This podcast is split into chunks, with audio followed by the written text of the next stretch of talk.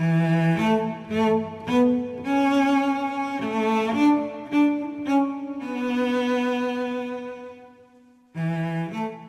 сонсогч таны энэ өдрийн амар амгалан айлтгая. Библийн хуудас радио цаураар нэвтрүүлгийн маань өнөөдрийн шинэхэн дугаар эхэлж байна. Тэгэхээр бид өнгөрсөн хичээлээр чин зүрхнээсээ хийх тун Бурхны үйлчлэлийг хийгэрэй гэсэн Паулийн ятгалыг хүлээн авсан. Бид ажил үйлсдээ зүрх сэтгэлээ зориулж эзний төлөө гэсэн чин сэтгэлээр бүхнийг хийх нь хамгийн чухал гэдгийг ойлгож авсан. Хэрвээ ямар нэгэн ашиг сонирхлын төлөө хэн нэгнийг хохирож зөвхөн өөрийгөө бодож аминчхан зүрх сэтгэлээр ажиллах юм бол тэр болгоно тусгүй өр нөлөөгүй хөдөлмөр хий дими цаг байх болно. Харин өөрт чинь ашиггүй ч гэсэн өрөөлд хэрэгцээтэй байх тийм л сайн үлийг өнөөдөр Христ итгэгчд бид хамтдаа үлдэх нь хамгийн чухал. Тэгвэл өнөөдрийн хичээлээр бид үргэлжлүүлэн хамтдаа итгэгч хүмүүс бид ажлын талбар дээрэж эзний ариун зөвхт байдлыг харуулan амьдрах учиртай. Эзний үг, эзний үнэн бидний амьдралын талбар нэг бүр дээр ноёлож мөн тийхүү бидний амьдрал Есүс Христийг гэрчлэн харуулж байвал энэ жинхэнэ итгэлийн амьдрал гэдгийг сурах болно.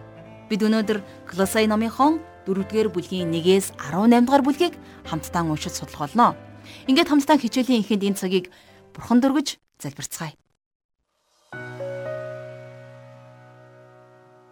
Бурхан Аава, энэ цагт бид таны өмнө ирээд таны үгийг хүсэмжлэн залбирч байна.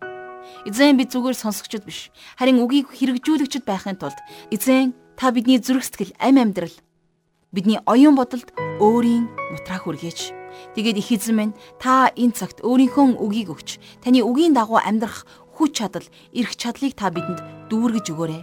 Эзэн өнөөдрийн үгээ бидний зүрх сэтгэлийн самбарт сийлэн үлдээгэж Итгэлийн амьдралдаа баримтлах тэрхүү зарчмуудыг та энэ өдрийн үгээр дамжуулан бидэнд хэлж ойлгуулаарай. Их эзэн минь энэ цагийн эхнээс нь дуус хүртэл би таньдаа өргөж эзэн Есүсийн нэрээр залбирanгуйлаа. Амен. Ингээд хамтдаа жаргал ах шиг хичээлд анхаарлаа хандуулцгаая. За өнөөдрийнхөө хичээлээр бид хамтдаа Колосой номынхон хамгийн сүүлчийн бүлэг буюу дөрөвдүгээр бүлгийг үзэх болно. Тэгэхээр энэ дөрөвдүгээр бүлэг дээрээс Итгэгчид бид нар ажлынхаа талбар дээр эзний ариун байдлыг хэрхэн сахиж амьдрах ёстой вэ гэдгийг онцгойлон авч үзэх гэж байна. Тэгэхээр та бидний өмнөх үздсэн хичээлүүдээр Колосай 3 дугаар бүлгийн төгсгөлд бид нар үйлчлэгч болон зарцнарт хандсан Паулийн ятгалгыг үзсэн тийм ээ. Харин 4 дугаар бүлгийн эхэнд бид нар зарц боолуудын эздэд хандсан Паулийн ятгалгаар өнөөдрийнхөө хичээлийг эхэлж байна. Хамтдаа Дөрөвдүгээр бүлгийн 1-р ишлэлийг гаргаад уншийе. Эзтэй та нар тэнгэрт бас эзэнтэй гэдгээ мэдэж боолуудаа шудраг ёс тэгш эрхийг сойрох. Паул зөвхөн зарц боолуудад биш харин эзэдэн ч гэсэн бас онцгойлон заавар өгсөн. Энд тэгш эрх гэдэг үг гарч байна тийм ээ. Эзэд нь боолуудаа тэгш эрхийн үүднээс хандах ёстой гэж хэлж байна. Яагаад? Яагаад гэх юм бол Тэд нэр тэнгэрт бас эзэнтэй шүү дээ гэж хэлсэн. Тэрхүү боолын эзэн хожим нь нэг өдөр Христийн өмнө зогсох болно. Христэд итгэгч дарга нар захирлууд ч гэсэн бас ялгаагүй нэг л өдөр эзний өмнө зогсно. Бид нэр Христэд итгэх итгэлийнхээ дагуу ажлын талбар дээрээч эзний өмнө итгэмжтэй байх ёстой. Та бид нар юу ч хийсэн эзэнд зориулан хийж байна гэсэн хандлагаар хийх учиртай. Ягд гэвэл бид нар эзний хүүхдүүд болсон учраас эзний өмнө тайлангаа тавих өдөр ирэх болно гэсэн үг. За дараагийн хэдийн ишлэл дээр болвол Паул та биднэрт итгэгч бидний хувьд маш чухал гурван зүйлийг онцгойлон авч ярьсан байна. За эдгээр гурван зүйл нь юу вэ гэхлээр зэрэг залбирал, бусдын өмнө амьдрах амьдрал болон за үг яриа юм. Хамтдаа хоёрдугаар ишлэгийг уншийе. Өөрсдийгөө залбиралд зориул. Үүндээ талархалтайгаар сэргэг байх тун гэсэн байна. За тэгэхээр энд гарч байгаа хоёр үгийг бол бид нэр салгалгүй хамтд нь авч үзэх ёстой. Энэ нь юу вэ гэхлээр залбирал болон сэргэг байдал. Энэ их чухлаа. Эдгээр үгс биднэрт Нихимаигийн үйлчлэлийг бас давхар санагдуулж байдаг. Юу вэ гэхлээр дайснууд нь тэрнийг Иерусалимийн хан хэрмийг барихт нь саад болохыг оролддог шүү дээ. Харин тэр үед бол Нихимия бууж өгөөгүй тийм ээ. Тэ би энийг юу н хийж чадахгүй нэ гэж хойш суугаагүй. А эсвэл бурхан зүгээр залбирч даадахад тэгээ зүгээр суугаагүй. Хэрвээ бид нар Нехимия номын 4-р бүлгийн 9-р ишлэлийг харах юм бол ингэж бичсэн байна. Харин бид өөрсдийн бурханд залбирсан бөгөөд тэднээс болж бид тэдний эсрэг өдөр шөнөгүй харуул гаргаваа гэж хэлсэн байна. За тэгвэл энд Паул яг л энэний тухай бидэнд хэлээд байгаа юм аа. Хэрвээ тариаланч хүн эзнээсээ арвин ургацыг залбирэн гуйсан болвол амен гэж хэлэхдээ гартаа хадуура барьсан байхыг бурхан хүсдэг юма гэсэн нэгэн сайхан үг байдаг. Хэрвээ та бид нар ямарваа нэгэн зүйлийн төлөө гойн залбирсан бол тэр зүйлийнхээ төлөө шаргуу ажиллаж хөдөлмөрлөх ёстой юм. Зарим итгэгчид бурханд даатгаа залбирсан л бол юу ч хийх шаардлагагүй гэж боддог. Энэ бол асар том эндүрл. Өвчин туссан бол бурхан залбираад л боллоо гэж тэд нар боддог. Үгүй ээ, ийм гинэн тэнэг байж болохгүй. Бид нар бурхан даатхан залбирах ёстой. А гэхдээ бид нар тэр зүйлийнхээ төлөө өөрийнхөө чадах бүхнийг бас хийх хэрэгтэй. Хамгийн сайн эмнэлэг, хамгийн сайн эмчэд хандах хэрэгтэй. Тийм учраас Паул хэлсэн байна, тийм ээ? Залбир, тэгээд соргог байгаарэ гэж. Энэ бол их практик зөвлөмж юм. За дараагаар нь талархалтайгаар гэж хэлснийг бол бид нар мартаж болохгүй. Бурхан та бидний залбиралд хариулдаг учраас бид нар бурханд талархал өргөхөө мартаж болохгүй. Бурхан та бидний яг хүссэнчлэн хариулахгүй байж мэдгч гисэн Бурхан хариулах болно. Тэгэхээр залбирал болон талархал хоёр бол яг л амьсгалагтай адилхан нэг юмны хоёр тал. Залбирах нь амьсгаа авахтай адилхан харин талархах нь амьсгалаа гаргахтай адилхан юм аа. 3-аас 4-р эшлэлдэр бас бидний төлөө залбирахдаа үгийн үүдийг бурхан нээж Христийн нууцыг биднэр яриулаасаа гэж гуйгаарай. Би үүний төлөө хоригдсан билээ. Мөн би хэрхэн ярих ёстойчлан үүнийг илчлээрэй гэж залбирах туун гэж Паул бичсэн байна. За хамгийн эхлээд Паул бас бидний төлөө залбираарай гэж хэлсэн байна, тийм ээ. Одоо бид нар Паулийн төлөө залбирах боломжгүй. А гэхдээ бид нар пастор ахлагч нарынхаа төлөө залбирах боломжтой. Бусад үйлчлэгч нарын төлөө залбирч чадна. Дараагаар нь үгийн үүдийг бурхан нээж Христийн нууцыг биднэр яриулаасаа гэж гуйхтоо гэж Паул хэлсэн. За энэ загтлыг бичихдээ Паул өөрөө шоронд байсан. Тэр шоронгоосоо суллагдж сайн мэдээг бусдад түгээн тунхаглахыг хүсэж байсан. Би хувьдаа үйлчлэлийн талбар үрийг үүд хаалга гэж хардаг. За тэр ч утгаараа бол бүх үүд хаалгыг нээлттэй байлгаж өгөөч гэж бурхнаас залбирэн гуйдаг. Илчлэлт номын 3 дугаар бүлгийн 8 дугаар эшлэлдэр хэлэхдээ харах тун хинч хааж үл чадах нээлттэй хаалгыг би чиний өмнө тавьсан. Юу гэвэл чиний хүч баг бөгөөд чи миний үгийг сахиж миний нэрийг үгүйсгээгүй билээ гэж бурхан хэлсэн байдаг. Тэгэхээр бурхан биднэрт маш олон үүд хаалгыг нээж өгдөгөө гэсэн үг. Гэхдээ бид нар улам илүү үүд хаалга нээгдээсэ гэж залбирах хэрэгтэй. Дөрөвдүгээр бүлгийн 5 дугаар эшлэлдэр Паул үргэлжлүүлээд гадныхантай мэрэгэн ухаанаар цагийг үнэлж харьц гэсэн байна. За тэгэхээр энд бол Бурхны хүүхэд энэ дэлхий дотор хэрхэн алхах ёстойг тодорхой хэлж өгсөн байна. За өөрөөр хэлэх юм бол Бурхны хүүхдүүд болсон бид нар энэ нийгмийн хүмүүсийн өмнө хүлээх тодорхой үүрэг хариуцлагууд байх ёстой гэсэн үг. Бурхны хүүхдүүд бид нар тэнийг мунхаг байж болохгүй. Зарим хүмүүс дэлхий тэдэн онд сүрэх болно гэх мэт зүйлсийг ярих болж. Харин итгэгчдэр бид нар ийм бодлогогүй мэдгдлийг итгэдэггүй хүмүүсийн өмнө хийж огт болохгүй. Нөгөө талаасаа та бидний амьдрал, бидний үйлс итгэдэггүй хүмүүсийнхээс ялгарх зүйлсгүй байхад бид нэр Христэд итгэдэг гэж ярих нь ч утгагүй асуудал шүү дээ. Бид нар энэ дэлхийн хүмүүсийн өмнө мэрэгэн ухаантай байх ёстой. За жишээлх юм бол нэг удаа би би бурханд итгэдэг учраас эмчэд очихгүй гэж хэлж байгаа итгэгч хүнтэй таарч байсан. Бурхан эдгэгч гэдэгт итгэх нь эмчэд очихгүй бай гэсэн үг шүү дээ. Хэрвээ бид нар ийм байдал гаргаад авах юм бол энэ дэлхийн хүмүүсээр тэнэг мангараараа дуудулсаар л байх болно шүү дээ. Тийм учраас бид нар үнэхээр мэрэгэн ухаанаар хэрсүү байдлаар энэхүү амьдрал дотор алхаж сурах хэрэгтэй. За Паул дараагаар нь цагийг үнэлж хайрц гэж хэлсэн байна. Өөрөөр хэлэх юм бол боломжоо битгий алдаа гэсэн үг. Та бидний өмнө ямарваа нэгэн боломж нээгдэх үед бид нэр тэр боломжийг ашиглахын төлөө эзнээс залбирэн гуйж байх хэрэгтэй. Мэдээж өөрийнхөө хүчээр хүчлэн зүтгэх биш. Харин бурхан үүд хаалгуудыг нээж өгөөсэй гэж залбираарай. Бурхан нээж өгөх болно.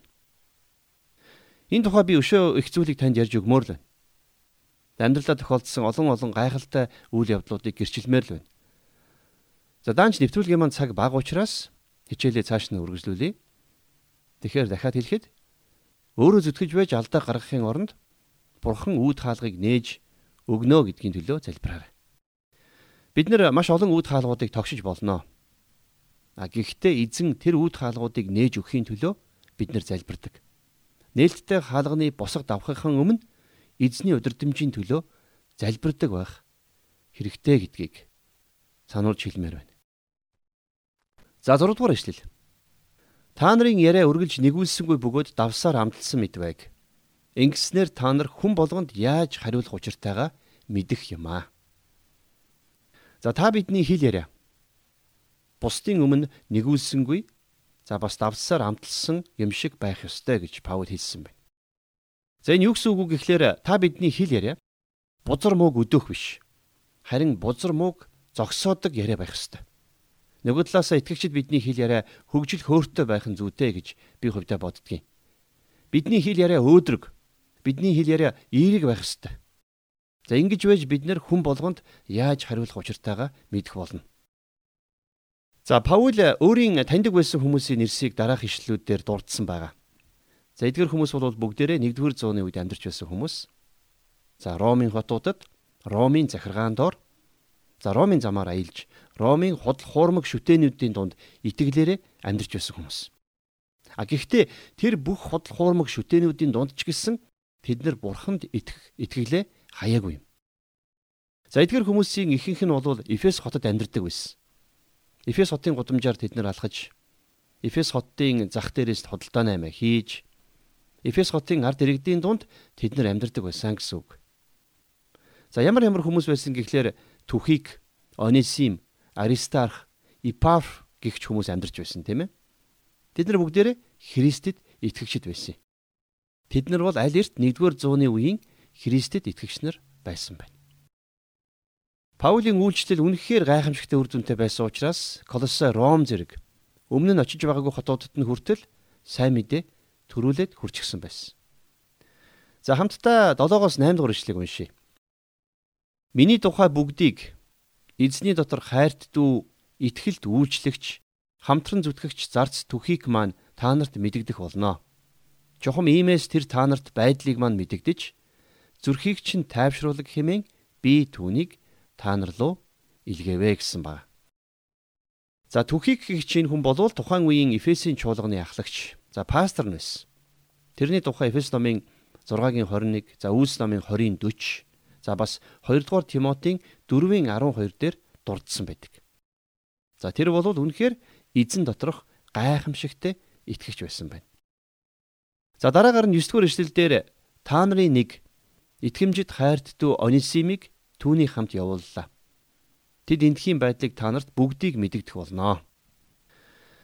За Онисим гэж нэр гарч байна тийм ээ. Тэгэхээр Онисим гэх чинь залуу болвол Колоссе хотод амьдарч байсан Филимоны зарц хүн байсан. Тэр эзнээсээ оргон зүхтааж Ромд очисон боловч Паулийн үйлчлэлээр дамжуулан Христэд итгээд аа тэгээд улмаар одоо эзэн Филимон руугаа буцаж очиж байгаа нь энэ юм.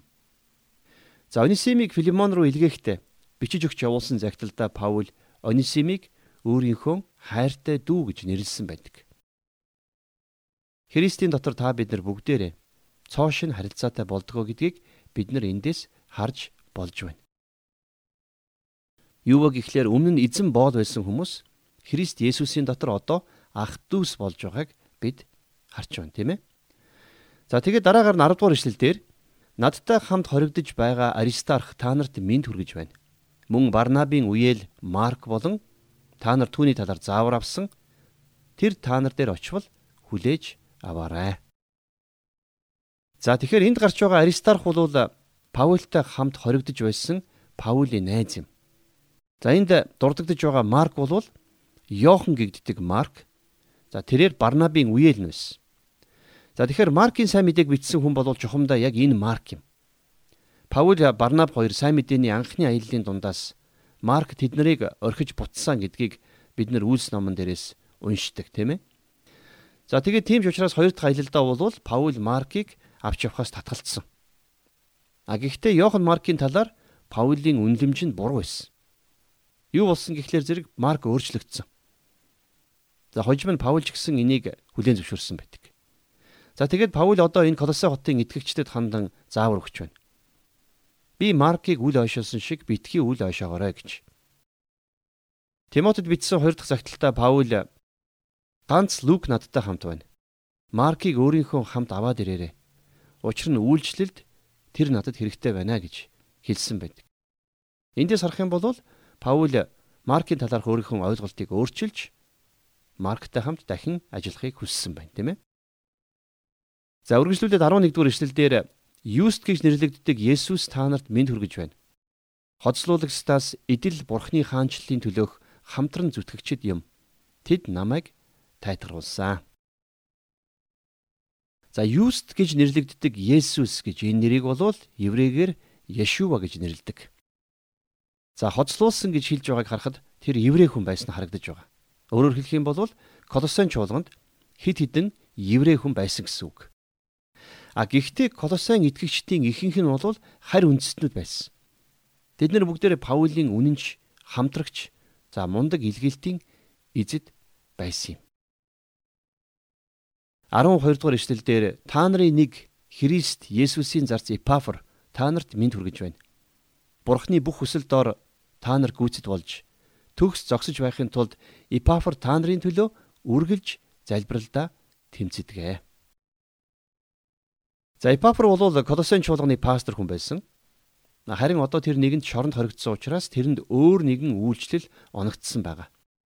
Тэр нь ямар үйлчлэл байсан бэ гэхлээр залбирлын үйлчлэл байсан. За нэг залуухан пастор өвчний улмаас саажилттай болоод үйлчлэлээ үргэлжлүүлэх боломжгүй болсон байна. За тэгээд нэг мундаг пастор руу урам хугарч гутарсан үгтэй загтал илгээж би бурханд үйлчлэх ямар ч боломжгүй болчлоо гэж бичсэн байна. Хариуд нь тэр пастор ямар загтал илгээснийг та мэдхүү. За ингэж бичсэн байна хариуд нь. Чамд санал болгох нэг чухал үйлчлэл надад байна. Миний төлөө залбираарай гэж бичсэн байна. Тэгэхээр залбирлч гэсэн бас үйлчлэл шүү дээ. Хэрвээ бид нар үйлчлэлийн талбар дээр бурханд үйлчлэх боломжгүй байгаа бол харин бурханд үйлчлж байгаа хүмүүсийн төлөө залбирна гэдэг бол их том үйлчлэл юм а гэдгийг мартаж болохгүй. Идэвхтэй үйлчлэлийн талбараас холдно гэдэг нэг талаасаа Бурхан биднэрт цоошин үйлчлэл өгч байна гэсэн үг юм аа. За 13 дугаар ишлэлдэр тэр та нарын төлөө болоод Лаудикт Хириаполд байгаа хүмүүсийн төлөө маш их санаа тавьдаг гэж би түүнийг гэрчилж байна. За энд гарч байгаа хотууд бол хоорондоо их ойрхон байрладаг хотууд байсан. Лаудик болон Хириапол хотууд бол За Колосе хотоос 10-аас 15 км-ийн зайтай оршдог байсан. Энэ гурван хотод гурвууланд нь тус тусын чуулган байсан байна. 14 дугаар эшлэлдэр хайрт эмч Лук та нарт мэд хүргэж байна. Дэмч бас гэсэн байна, тийм ээ. За энд хайрт эмч Лук гэж энд Лукийг энд үнэхээр гоё тодорхойлсон байна шүү. Паул энд бас дэм гэж нэрийг дурдсан байгаа. Тэгэхээр дэм гихч энэ хүнийг Паул хамтран зүтгэгч гэж өмнө нь нэрлсэн байдаг болвол энд зүгээр л дэм гэж хэлсэн. За магадгүй Паул энэ удаа дэмийн талаар баг зэрэг эргэлзэж эхэлсэн байж болох юм. А гэхдээ ямар ч хожим дэм Паулийг орхиж хувийн амьдралаа хүн одсон байдаг.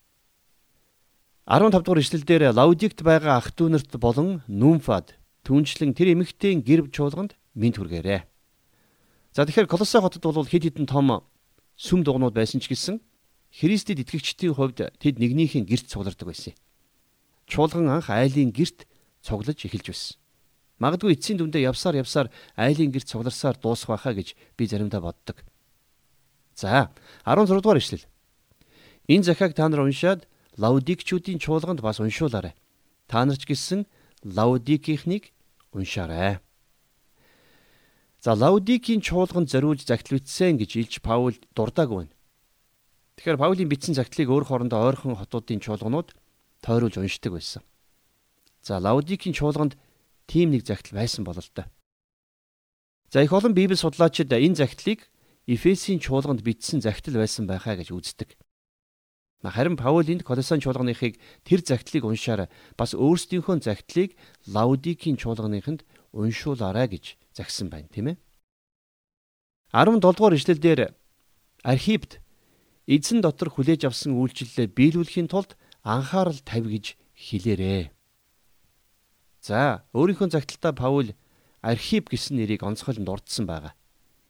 А бид нар бол энэ хүний талаар тийм ч сайн мэдэхгүй.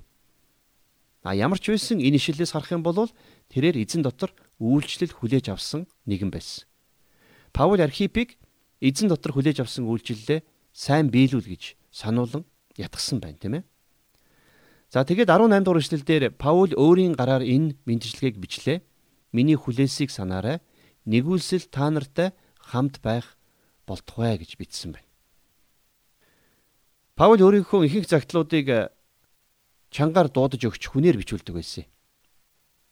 Харин Галат загтлыг өөрийнхөө гараар бичсэн тухай бид Галат номыг судлахдаа үзэж байсан.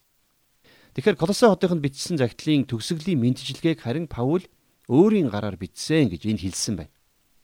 А ингэхдээ Паул миний хүлээсийг санаарай.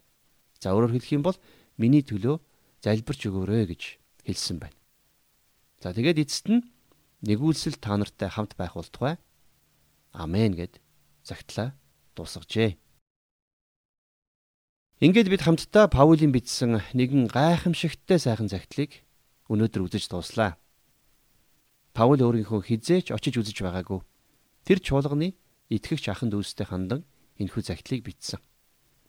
А гэхдээ тэр тентхийн итгэгчдээс олон хүнийг таньдаг байсан. Тэд нарыг Паул эзэн Есүс Христийн үнний мэдлэг рүү дагуулсан байсан.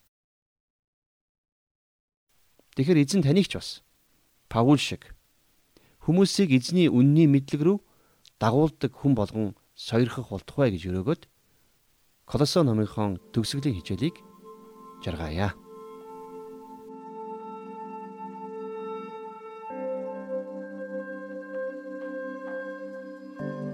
Тэгэхээр хүн сонголт хийх шаардлагатай цаг үргэлж тулгардаг.